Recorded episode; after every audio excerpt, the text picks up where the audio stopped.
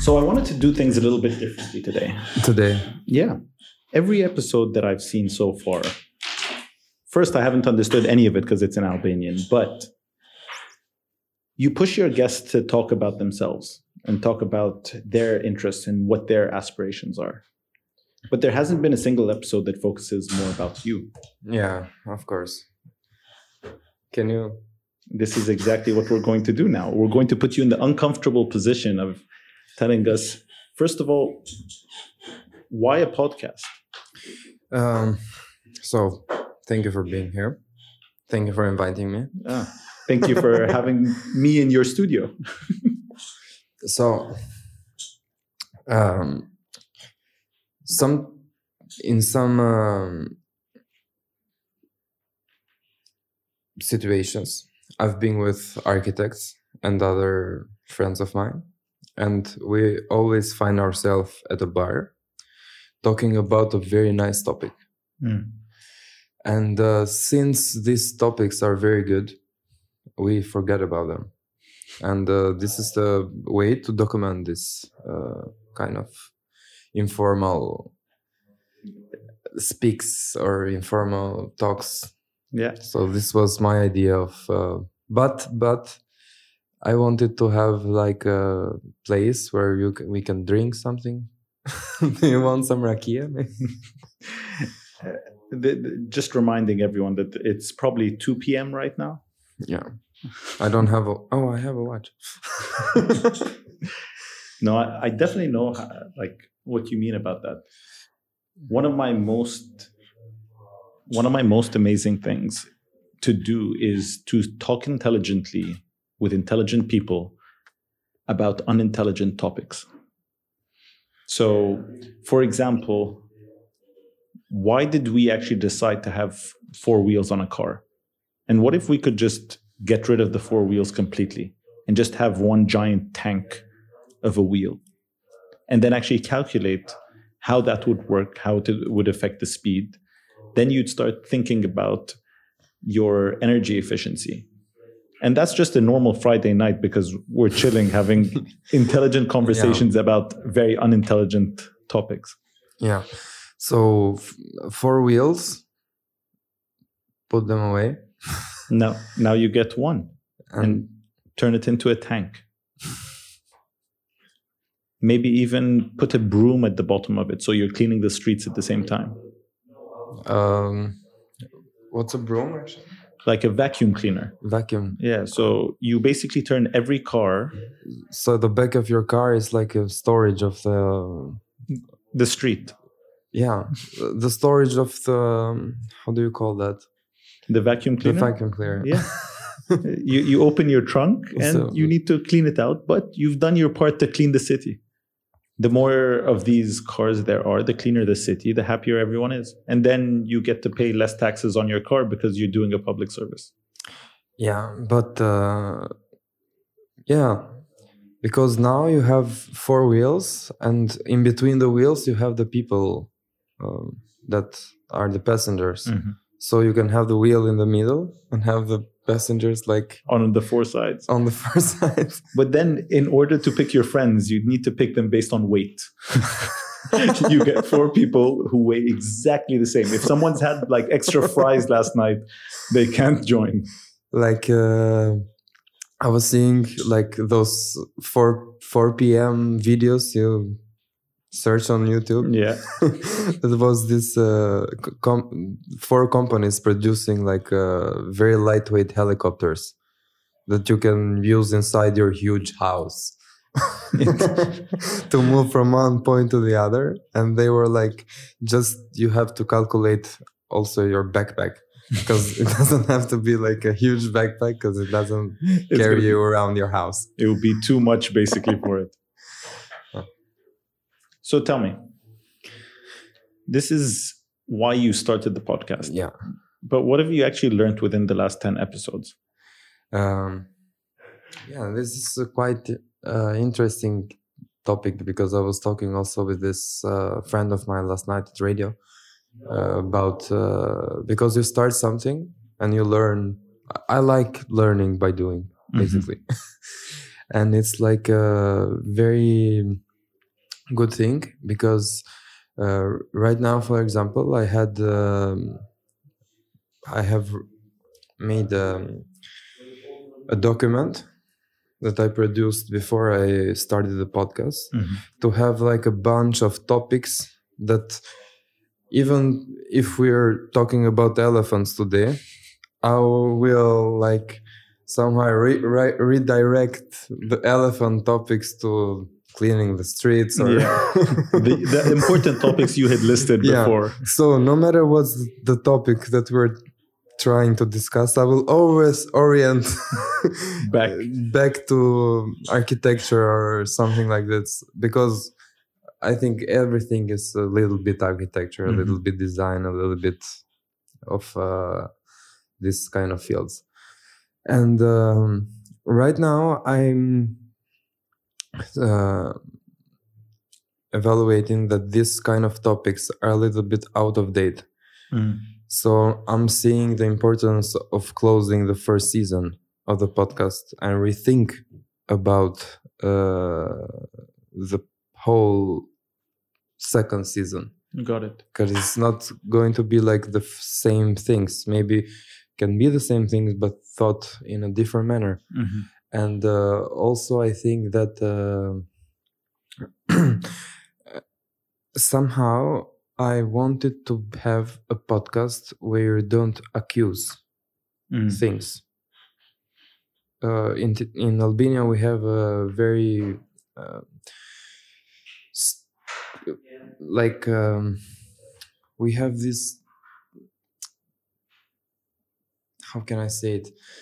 Um, Like people jump to yeah jump we jump to to uh, somehow we don't um, value Mm. the opinions we value more like how aggressive is your point of view or how yeah you are uh, into those kind of topics with a sense of aggression or things like this. So I wanted to have this podcast just to have um, people that are, for example, electricians. Mhm. How is their daily job or daily life? Like, what what are their real kind of insight about the job or some people that are working in the fridge industry Mhm. how is the fridge industry like really going not opinions about i think that streets should be cleaner yeah yeah i think that should I, I like dirty dirty streets. So this is like a way of uh, uh, having opinions not like real facts. Yeah. So i wanted to have this real uh, it's basically trying to build an area of psychological safety mhm, where people are able to share their opinions uninterrupted.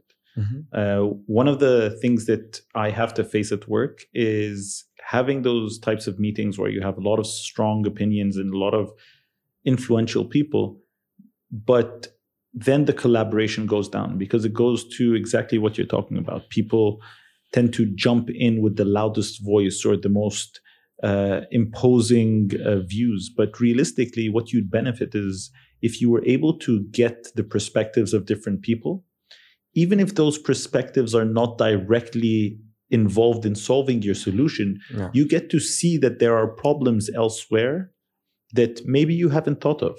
Maybe you you haven't taken them into account. Yeah, that that is so this is so right because uh, we're in, like in the same um, page because um, sometimes some issues are so popular that we forget about like something else Yeah. maybe So one one of my favorite um one of my favorite like YouTube videos that I had seen was uh, about Bill Gates, and there was a whole documentary about Bill Gates, and it was very boring and useless. But there was one thing about it that I really loved, which is right before he left every morning, his secretary would set up a bag for him with his books, and the books were like twenty books that he'd take with him all of the time. Um, and when they were talking about, oh, what is it that you're reading? What's interesting for you?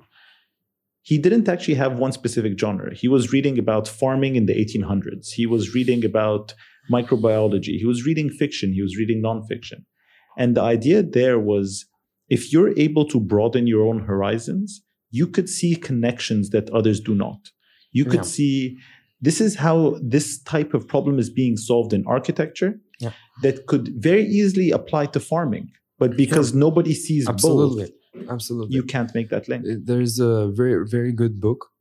Uh, I don't remember the author, but the title is Wide Lens. Hmm. So it helps you see things in a wider lens, basically. lens hmm. uh, based point. So basically, it touches all the companies mm-hmm. and uh, their ecosystems. For example, it talks about uh, the movie industry mm-hmm. that in some point in the history they were um, somehow they lost their industry about uh, like tape recordings and uh, everything became digital mm-hmm. so in a certain point they had the need to become like their lens had to become wider because yeah. the ecosystem was like changing and not uh, you cannot focus just in your area you have to focus in many things mm-hmm. so we are so diverse man it's it's super important to be able to constantly want to learn and grow in that way because a lot of people become expert beginners they do one thing and they do it well and they keep improving at it but once the ecosystem changes they need to be able to adapt and if you don't and if you haven't been already reading understanding broadening your horizons not just in your field but across multitudes of different things then you're going to be left behind. And that skill that you were known for, that you were great at, might become obsolete and you wouldn't have something else to fall back on. Uh, but even if you do want to become a subject matter expert, you need to be able to expand that by looking at different things within your horizons, looking at different skill sets, different professions altogether, and seeing what you can actually do to improve yourself to be able to improve that field by let's say thinking about things completely differently uh, I saw Yora's face right now. she saw us in a very. we were not where we left. no. so just just to remind people that this is not. I'm going to put this on YouTube, man. Freak hell yeah. Go for it. this is not. We didn't plan this. We just came by. Yeah, I, I was coming to type a little bit and eat a little bit of food, drink a little bit of juice, and call it a day. So you ended up in a podcast. I ended up in a podcast, and uh, I, I, guess that that's what happens. It's the beauty of the serendipitous nature of yeah. this. Do, do you want a juice, or you didn't order the juice? I think I got some juice and some food that's meant to come soon.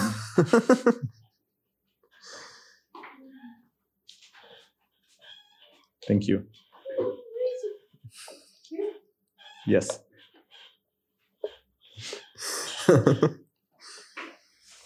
oh, how was it? Fantastic, fresh. Oh, here comes the donuts. I'm I'm going. You, you, can eat, man. You can you can eat and drink and do whatever that, you like. Yeah, but that's going to be a different type of uh, YouTube video for a different genre of people watching me eat, and I'm gonna avoid that for this episode. and um, yeah, so,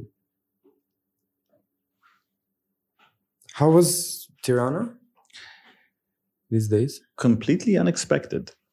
I think I didn't come here with any types of expectations, but I think at the back of my mind there were at least some expectations.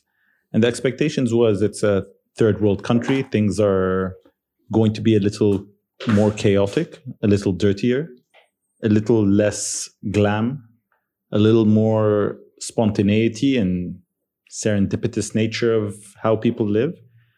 And I think that it was very different because I didn't expect it to be as mountainous. I didn't expect it to be as picturesque. I didn't expect there to be very few people in a wide amount of space that is clean, that is refined. So it surpassed my expectations. And then obviously the people that you meet, well, I ended up in a podcast with you. So I think that speaks for itself. No, I ended up in a podcast with you. so this is a podcast about me, not about you. It was meant to be about you, but you still managed to flip it around and have me having conversations about elephants with big ears and cars with uh, with one, One wheel. wheel. exactly. So um, it's been very interesting talking with you about uh, Burning Man these days. You have like made me watch like videos with my father because my father is a Oh, wow. carpenter Oh, and so he liked a lot like the the way He- Burning Man was. he definitely has to come along. yeah, he told me like, Yeah, I want to come also. Yeah, uh, the there's actually a video out there um, where there's this guy and his dad go to Burning Man and they film their entire experience, and their experience is everything you'd expect, plus some supermodels and crazy clothes and drones. But I think it was a great bonding experience for them. So if you're planning on coming next year, definitely bring him with, especially if we're building. Yes, definitely, we need his expertise. And um, yeah, So I think we should call it an episode.